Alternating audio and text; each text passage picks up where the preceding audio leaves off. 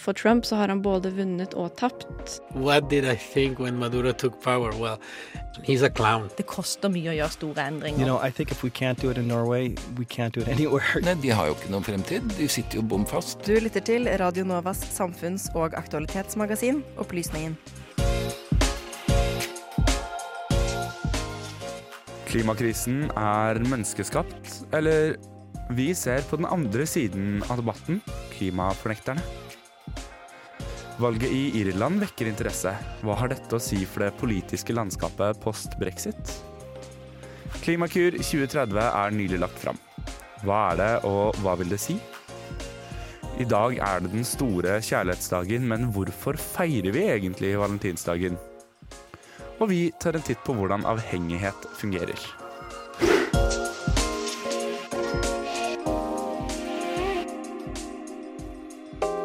God fredagsmorgen og hjertelig velkommen til denne rykende ferske utgaven av Opplysningen 99,3.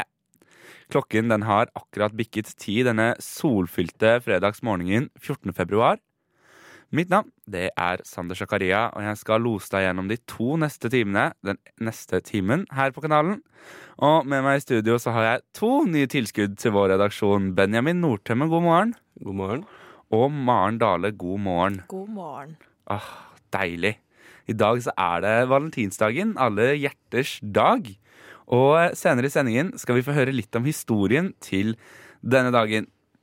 Vi skal også snakke litt om klima og høre både om Klimakur 2030 og klimafornektere. Men først Patina med Flammer rammer. Du hører på Radio Novas samfunns- og aktualitetsmagasin Opplysningen. Opplysningen hver fredag mellom klokken 10 og 11 på Radio Nova.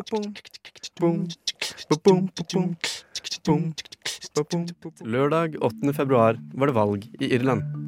Som et sjokk for mange var det ingen av de tradisjonelle sentrumsrivalene Fine Gale eller Fianna Feil som gikk av med valgseieren. Derimot var det det sterkt nasjonalistiske og tidvis ganske kontroversielle venstreorienterte partiet Sinn Fein som fikk størst oppslutning blant de irske velgerne. Partiet er tidligere kjent som største pådriver for Irlands gjenforening med Nord-Irland, som i dag er en del av Storbritannia. Mange stiller nå spørsmål ved Sinn Feins nylige oppsving, og om det kan påvirke det allerede ustabile politiske landskapet på de britiske øyer post brexit. I Storbritannias brexit-avtale legges det opp til at Nord-Irland forblir en del av EUs indre marked, slik at det økonomiske båndet mellom Nord-Irland og republikken i sør fortsetter uendra. Irland har gjennom historien vært en delt øy, preget av langvarig friksjon mellom ulike samfunnsgrupper på bakgrunn av religion og tilhørighet. Hele øya var tidligere en del av det britiske kongeriket, men republikken Irland, som i hovedsak er katolsk, fikk selvstendighet i 1922. Nord-Irland forble en del av den britiske unionen, der spenning mellom unionister og republikanere fortsatte i syv tiår. Det er denne konflikten som senere har fått tilnavnet The Troubles. Den republikanske paramilitære organisasjonen IRA gjennomførte en rekke terroraksjoner i Nord-Irland og Storbritannia i årene etter. Situasjonen roet seg gradvis, og med Good Friday-avtalen i 1998 kom det til slutt på plass en ordning som skulle sikre langvarig fred mellom partene. Med bred politisk støtte i nord og sør har Irland vært relativt rolig siden den gang. Nå i 2020, med fremveksten av Sinn Fein, stilles det spørsmål om friksjonen kan gjenoppta. Partiet har tidligere hatt bånd til IRA, og særlig kritikere i nord er skeptiske til hvordan utviklingen vil gå fremover. Det er lite som tyder på en gjenforening i nær fremtid. Lederen i Sinn Fein, Mary Lou MacDonald, har selv avkreftet at de vil gå inn for dette umiddelbart. Men de ber likevel om støtte fra Brussel på såkalte unification plans. Partiet sliter foreløpig med å danne en flertallsregjering, men forventes å kunne gå inn i en regjeringsposisjon. Og med oss på telefon nå har vi John Todd, doktorgradsstipendiat ved Institutt for kriminologi og rettssosiologi. God morgen. Hei. Hei, god morgen. Um, Ja, veldig hyggelig å være her. Kan ikke du begynne med å fortelle oss litt hva er egentlig Sinn Fein? Ja, det er et godt spørsmål, for Sinn Fein er et litt uh, uvanlig politisk parti. Um, eh, den har en sånn historisk kobling med det som er kalt provisional IRA, som er IRA som kanskje folk kjenner best fra konflikten i Nord-Irland, som begynte i slutten av 60-tallene. Um, og tok slutt, slutt med um, lange fredagsavtalen 1998, uh, mer eller mindre. Um, og Sinn Féin um, var politisk aktiv, uh, mest på sånn andre halvdelen av konflikten i Nord-Irland. Um, og fikk mer og mer suksess i Nord-Irland i politikk under fredsprosessen, og har delt makt av og på i Nord-Irland over ganske lang tid nå. Men det som er litt spesielt nå, er at det, har, gjort en brakvalg i Irland, eh, i landslaget som skjedde eh, nylig nå. Eh, og de fikk fleste stemmer overalt. Og fikk 37 eh, representanter i eh, det irske parlamentet, som er bare én bak Fine Foyle, som fikk 38 av sånn største parti i parlamentet. Men en, altså hvorfor ser vi så stor økning i Sinn Feins oppslutning akkurat nå? Kan det, kan det tenkes at det kan ha noe med brexit å gjøre, f.eks.? Uh, det, det, noen kommentatorer i Storbritannia har foreslått det, men hvis man ser på meningsmålene eh, i Irland eh, gjennom uh, valgkampanjen, det er egentlig Eh, andre eh, saker som har vært mest viktige for folk, og det er spesielt boligpolitikk og helsepolitikk. Og det som kanskje gjør at Sinn Féin har gjort eh, det så overraskende bra i akkurat dette valget, er at de har klart å skille seg ut fra Finne for og finne gjeld de to historisk uh, største partiene, det å drive et sånn, sånn uh, venstrepopulistisk uh, kampanje hvor de sier de vil gi mer penger til helsetjeneste, bygge flere boliger og så uh, har klart å fremstå seg selv som mer, mer handlekraftig på disse områdene. Men eh, fordi Sinn Fein de har jo gått ut og eh, virket som de både støtter og avkrefter at de jobber for irsk gjenforening. Hva kan være grunnen mm. til dette? Ja, så Det er deres som si, hovedmål som parti uh, er å oppnå et forent Irland. Uh, det er det uh, sånn, sånn kjernen av, av, deres politikk, på en måte. Men de vil også være et sånn eh, vanlig politisk parti samtidig og, og, og drive med andre områder. Det er litt sånn en, litt dilemma for dem nå er at det var ikke det sånn store konstitusjonelle spørsmålet uh, som uh, var en suksessfaktor for dem i, i, akkurat dette valget i Irland. Det var disse sånn vanlige politiske hverdagslige saker. Um, så ja, de vil absolutt fortsette å, å, å jobbe for et forent Irland. Absolutt, det, er det de er mest opptatt med. Men de må gjøre det på en ganske forsiktig måte, og ikke glemme disse andre eh, områdene som er egentlig mer viktig for folk flest i Irland. Men eh, er det tenkelig at det er mange irske velgere som nå i større grad har fått politikerforakt? Kan det gjelde dette? Det, det, er absolutt noe med at vi, som vi ser i andre land i Europa, en sånn, sånn store endringer som skjer i, i, i politikk i, mange land, og at ja, de sånn, historiske sånn, ting vi har tatt for gitt i politikk i mange land, blir, blir, uh, blir mer og mer usikkert. Um, så ja, det er absolutt en sånn frustrasjon med både Fine Gael og Fine Foyle. Uh, uh, litt fordi de to partiene er egentlig ganske like. Eh, spesielt hvis vi setter dem på et sånn typisk venstre-høyre-aksis. De, de, er ikke så langt med hverandre, egentlig. Uh, uh, også det, det, det, som har tjent Sinn Féin denne gangen, de har klart å begynne å plassere seg på et annet sted. Uh, og, og, folk har vært jo, frustrert over lang tid, kanskje helt siden finanskrisen. De føler at politikk funker ikke så bra for, for dem og deres hverdag. Men uh, mulighetene for uh, altså regjeringssammenkomster uh, og mindretallsregjeringer, mm. det, det, det, ser veldig ikke lyst ut. Hvorfor er det så vanskelig for de andre partiene å jobbe med Sinn Fein? Um, det er fordi de, de mener at Sinn Féin har for det første ikke tatt sånn godt nok oppgjør med deres fortid og eh, bruk av vold i konflikten i, i, i Nord-Irland.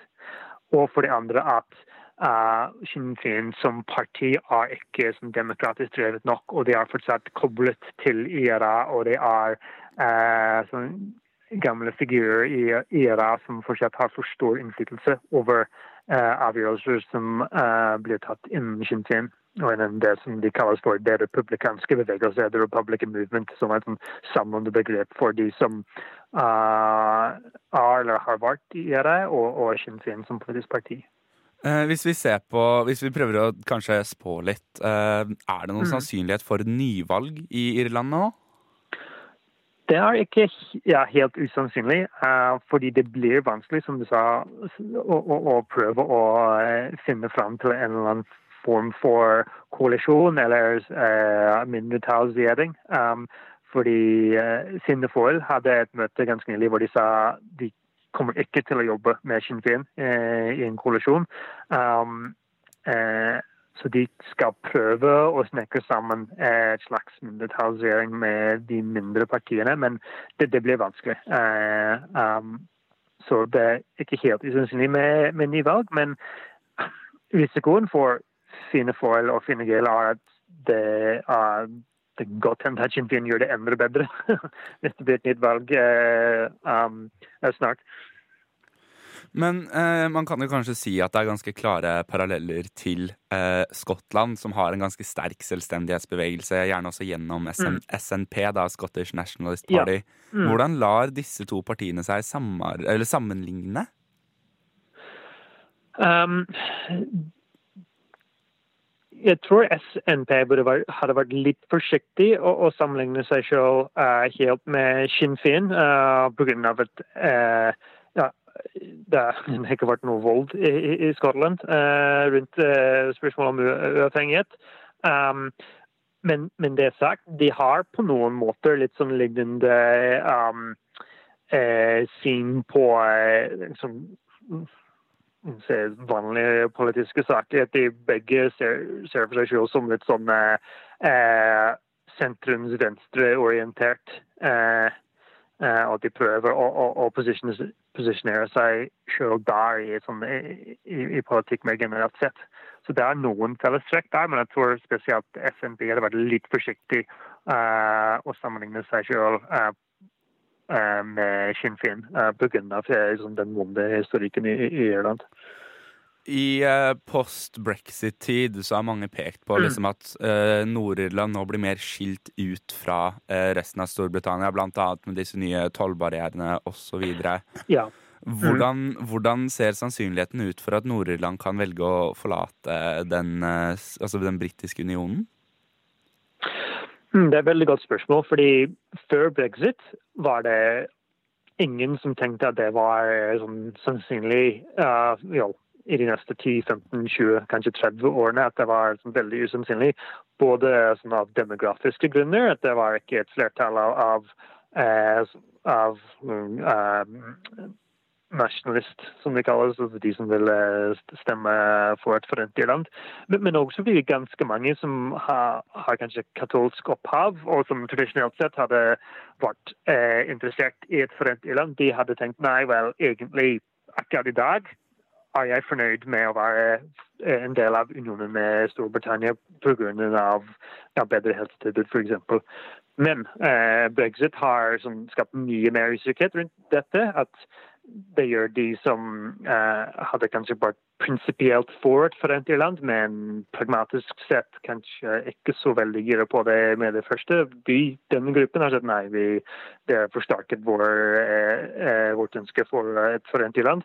Og kanskje noen av de yngre er mer sånn eh, pro-europeiske folk fra den protestantiske siden, den protestantiske siden, de har kanskje tenkt hm, kanskje jeg kunne tenke meg at en eh, forent Iran er ikke så ille, fordi da kan jeg fortsatt bli med i eh, Europa. og Det er viktig for dem. Så ja, det er, det blitt skapt mer usikkerhet rundt spørsmålet om et forent Irland.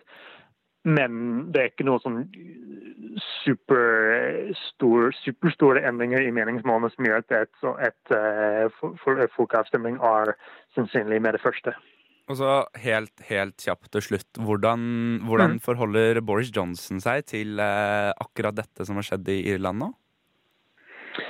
Eh, jeg tror det blir ganske sånn avventende, egentlig. Han er opptatt med og sånn, hans domestisk politikk for tiden. Um, uh, det som er kanskje det største sånn, usikkerhetsmomentet, er rundt hvordan han kommer til å forholde seg til de avtalene som ble gjort før eh, 31. januar og, og, og brexit, rundt dette med, med tollgrensen mellom, eh, altså eh, mellom Nordirland og, og, og resten av Storbritannia. Og, kommer han til å eh, gjennomføre disse, disse avtalene på, på en sånn grundig måte eller ikke? Det er kanskje mest sånn, største usikkerhetsmomenten når det gjelder sånn, Nordirland og brexit akkurat nå. Doktorstipendiat ved Institutt for kriminologi og rettssosiologi ved, un ved Universitetet i Oslo, John Todd, tusen takk for at du tok deg tid til å snakke med oss. Ja, bare hyggelig. ja. Og så er også Radio Nova her for å gjøre opptak til sendingene sine. Opplysningen. Vi er der det skjer. Ja, ja, ja, ja, ja. Og fra eh, Nord-Irland og Sinn Fein så skal vi over til noe litt annet, Maren. Ja, for den 31. januar i år så blei Klimakur 2030 overlevert til regjeringen. Og det er en omfattende utredning på over 1000 sider. Vi tok en prat med Siri Sorteberg, som er direktør for klimaavdelingen i Miljødirektoratet, for å forstå litt mer om hva Klimakur egentlig dreier seg om.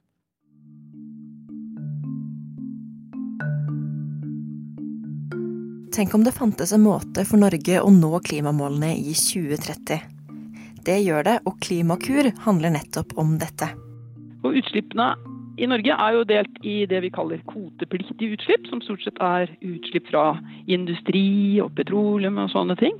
Og så har vi det vi kaller ikke-kvotepliktige utslipp, som da ikke er med i dette systemet. Og det er der vi har gjort en utredning. Sier Siri Sorteberg, avdelingsdirektør i klimaavdelingen i Miljødirektoratet. I en utredning på over 1000 sider har Miljødirektoratet i samarbeid med flere andre fagetater vurdert 60 mulige tiltak som regjeringen kan gjøre for å redusere klimautslippene. Og vi har virkelig snudd mange stener, da. Og det som på en måte er en hoved, et, et av hovedsvarene her, er at man kan ikke bare gjøre én eller to eller tre ting. Her må man gjøre veldig mye samtidig. De mest sentrale tiltakene handler om transport. Hvor det fortsatt brukes mye fossile drivstoff elektrifisering av transport, både på vei, eh, men også får til på sjø, er, er, viktige tiltak. Vi kan redusere mye utslipp ved å bruke noe biodrivstoff da, på det vi ikke klarer på en måte, å elektrifisere av transportsektoren. Og jordbruk og mat. Og når det gjelder jordbruk, så kan man kutte på flere måter hvis hver og en av oss følger de kostholdsrådene som Helsedirektoratet har satt opp så kan ved å spise mindre kjø rødt kjøtt eh, og erstatte det med mer plantebasert og fisk og hvitt kjøtt, så kan man redusere ganske mye utslipp. Og hvis vi da reduserer matsvinn i Norge, så gjør det også stort utslag. I tillegg så kan jordbruket selv eh, gjøre mange sånne forbedringer med gjødselhåndtering osv., så, videre, så de kan også kutte mange utslipp på den måten. Flere av tiltakene har vært diskutert før. Vi må spise mindre rødt kjøtt og bytte til elektriske kjøretøy.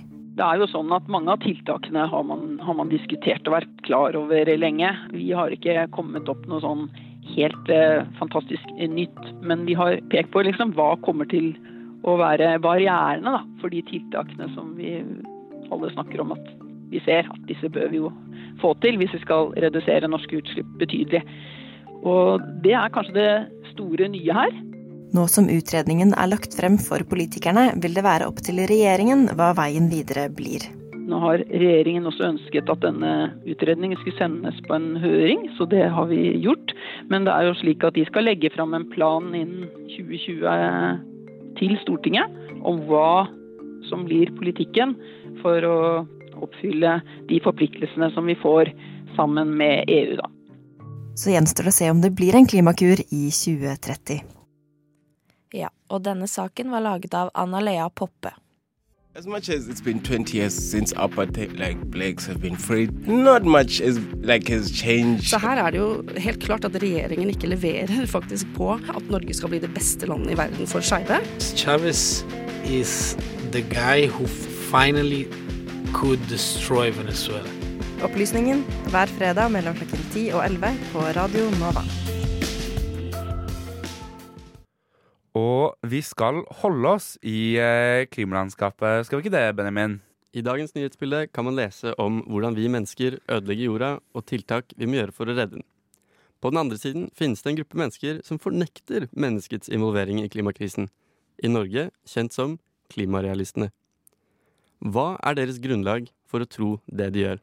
Og hvorfor forkaster de anerkjent forskning som har bevist at mennesket er hovedproblemet for klimatrusselen? Det har Maren Dale tatt en liten titt på. Mange av oss ser på klimaendring som en stor trussel.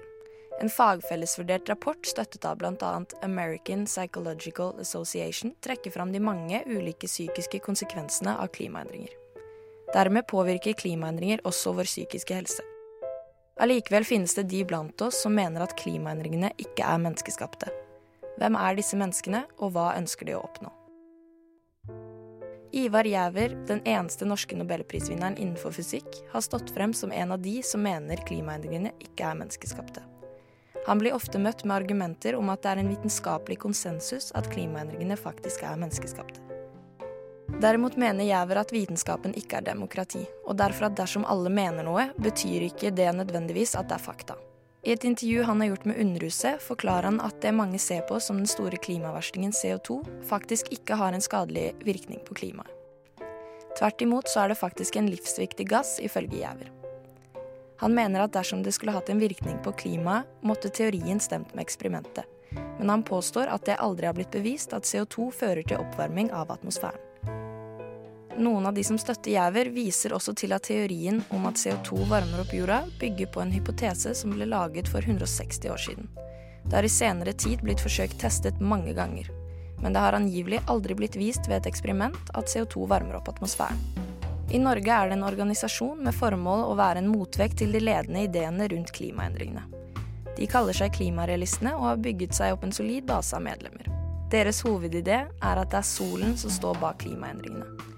Men dette viser seg også å være feil, skal man tro andre kilder.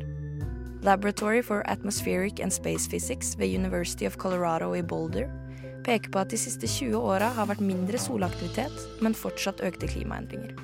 Dette vil derfor motbevise teorien om at sola står bak klimaendringene. En undersøkelse fra Niels Bohr-instituttet i København viser at det er link mellom sola og klimaet på jorden. Men førsteamanuensis ved institutt Anders Svensson mener dette ikke er det samme som å hevde at sola lager klimaendringene. Det er kun snakk om en svak kobling og mindre regionale endringer. Et annet eksempel som trekkes fram av klimarealistene, er at i 1960 var rundt 5000 isbjørner, mens de nå hevder at det er over 25 000. Dette er også motbevist av bl.a. dr. Steven Amstrup, en zoolog som har jobbet ved flere ulike institusjoner med forskning rundt biologisk mangfold. Han hevder at man ikke vet helt sikkert hvor mange isbjørner som faktisk finnes i verden, og at tallene fra 1960 er feil. Han legger også til at selv om det hevdes at det lever rundt 25 000 isbjørner i dag, er dette kun begrunnet gjetning. På en konferanse for klimafornektere som ble holdt i oktober 2019, blir det sagt at våre bekymringer for klima kun er noe vi tror på for å ha et kollektivt formål å jobbe mot. At dersom vi leste mer fysikk enn aviser, vil det være en vanskeligere sak å lure oss. Og nettopp dette er noe de fokuserer mye på mediedekningen. Opphaussing av klimaets forkjemper Greta Thunberg og politiske partiers grønne politikk har fått forside på forside i avisene det forrige året. Dette mener klimarealistene kun fører til hysteri og deling av feilaktig informasjon. På klimarealistenes egen hjemmeside deler de en artikkel som beskriver hvordan klimaet holdt seg stabilt i 2019. Temperaturendringene som har skjedd, er kun naturlige variasjoner, og at resten av kloden har hatt det godt. Skogbrannene i Australia blir også tatt opp. Og det blir avvist at det er vår feil at det skjer, men at det rett og slett er selve klimaet der og værfenomener som El Niño som står bak. Klimarealistene konkluderer også med at 2019 var et svakt år for IPCC, men hevder samtidig at medienes dekning viser oss en annen sannhet. Forskning utført av Nature Climate Change, et fagfellesvurdert tidsskrift, slår fast at det er 99,99% sikkert at klimaendringene er menneskeskapte. Samtidig hevder The American Association for the Advancement of Science, en samling av 18 vitenskapelige foreninger, at verdensomspennende observasjoner tydeliggjør at klimaendringene er reelle, og at klimagasser sluppet ut av menneskelig aktivitet er hoveddriveren. Klimarealistene mener også at klimaendringene er menneskeskapte, men de mener den er det verbalt. Reporter i denne saken her var da altså Maren Dale. Og her kommer Pottery med Texas Drums Part 1. Teknologi og digitalisering gjør at det vi ikke fikk til for noen år siden, det er mulig nå. At det å stadig vekk skulle balansere mellom frihet og ufrihet Det er ikke noe særlig lurt å stole på viljestyrken, f.eks. Kirkas demokratisystem. Opplysningen hver fredag fra klokken 10 til 11. Yes, det stemmer det. Opplysningen er programmet du hører på. Og eh, ja, Hva skal vi snakke om nå, Maren? Ja, vi skal snakke litt om eh, avhengighet, da. Så hvis eh, du sliter, i likhet med mange nordmenn, med å slutte å snuse, så er du ikke alene. Og da kan forhåpentligvis den saken her hjelpe deg litt på veien, da.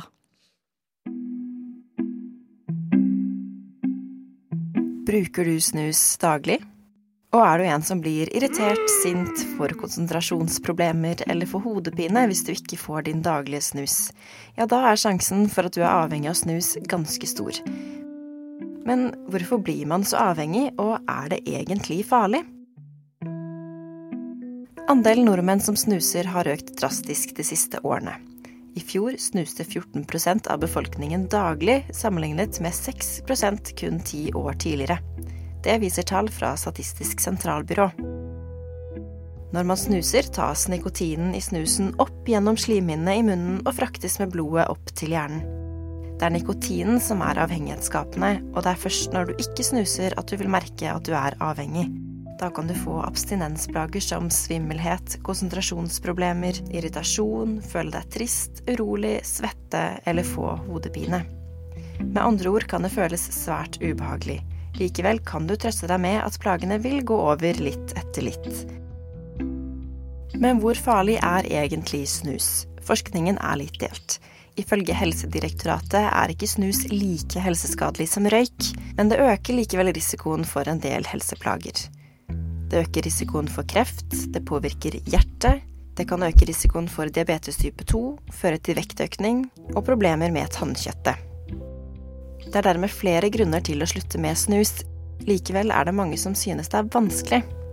Mens noen klarer å slutte på første forsøk, er andre nødt til å prøve flere ganger. Den gode nyheten er at for hver gang du prøver, øker sjansene for å lykkes.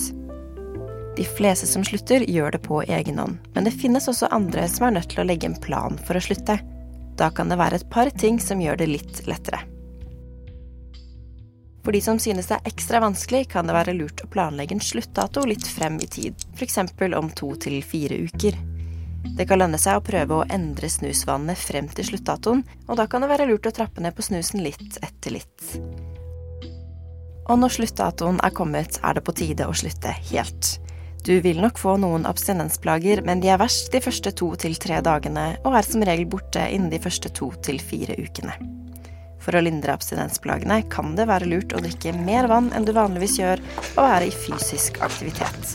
Det finnes også apper og nikotinfrie midler som kan gjøre det enda lettere å slutte. Til syvende og sist er det opp til deg.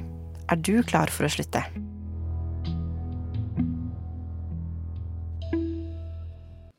Dette innslaget var laget av Anna Lea Poppe. Du hører på Opplysningen. Aldri redd, alltid balansert. Opplysningen hver fredag mellom klokken 10 og 11 på Radio Nova.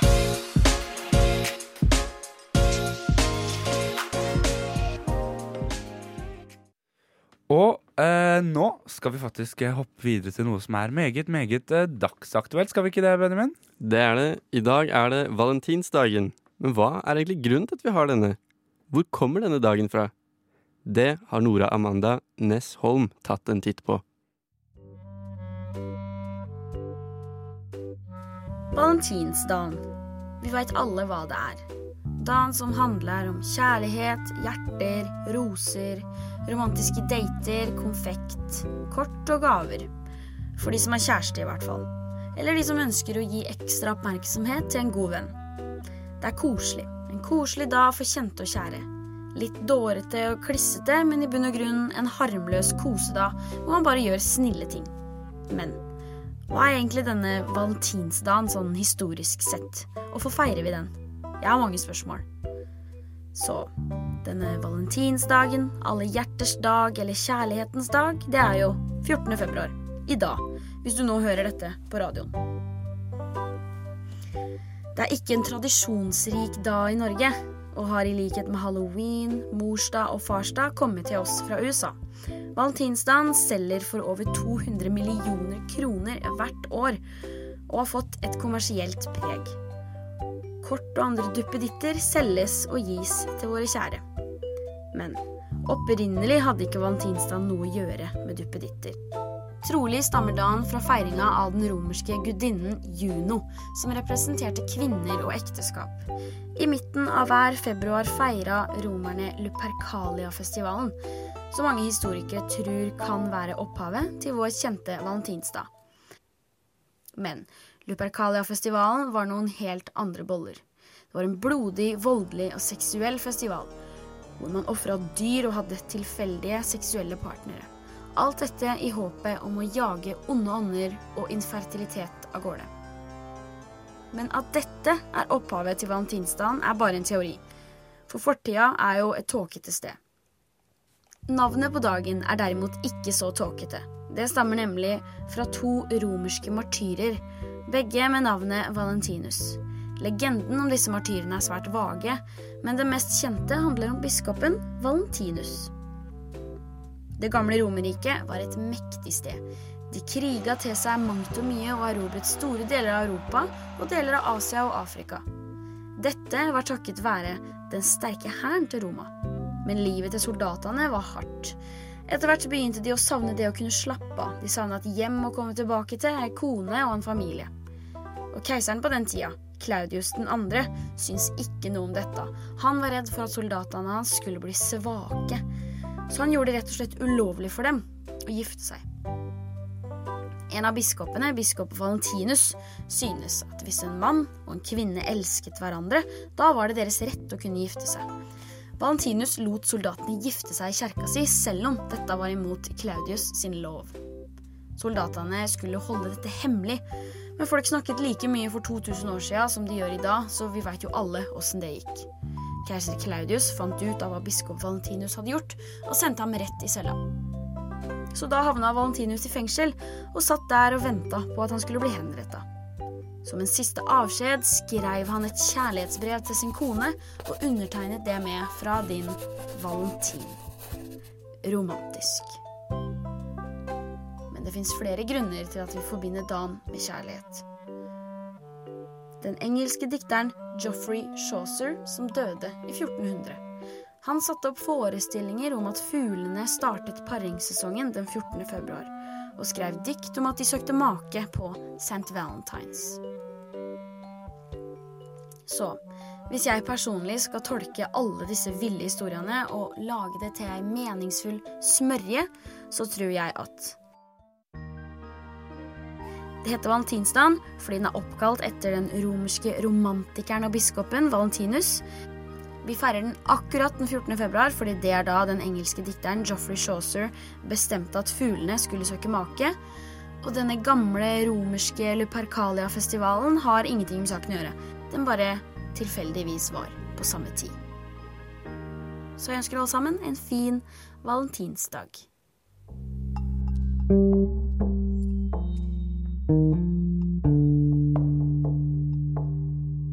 And this is insane. I've never seen this in any other country. Never in my life. People eating from the trash, fighting about it. Eh, Når så mange er ensomme, så ligger jo på en måte ikke dette på, på individet lenger. Det ligger på systemet. Vi er i ferd med å ødelegge evnen vår eh, permanent kognitivt i hjernen til å konsentrere oss over lengre tid. Radio Novas samfunns- og aktualitetsmagasin gir deg historiene, sakene og debattene andre overser. Aldri redd, alltid balansert. Opplysningen 99,3. Og eh, med det så eh, har vi faktisk nådd eh, slutten av denne sendingen. Og da gjenstår det svært lite mer for meg å si, annet enn medvirkende til denne ukens sending. Det har vært Nora Amanda Nessholm, Sebastian Hagel og Anna Lea Thorseth Poppe. I studio med meg så har jeg hatt Benjamin Nordtømme og Maren Dale. Og mitt navn, ja, det har vært og vil alltid være Sander Zakaria. Følg opplysningen på sosiale medier, og last ned podkasten der du ellers finner podkaster. Etter oss kommer eh, Studentnyhetene. De har annet vært på en brannstasjon, så det gleder jeg meg veldig mye til å høre. Jeg vet ikke med dere andre i studio. Jo, tror det kan bli veldig bra. Ja. Det kan bli veldig spennende. Tusen takk for oss, og god helg!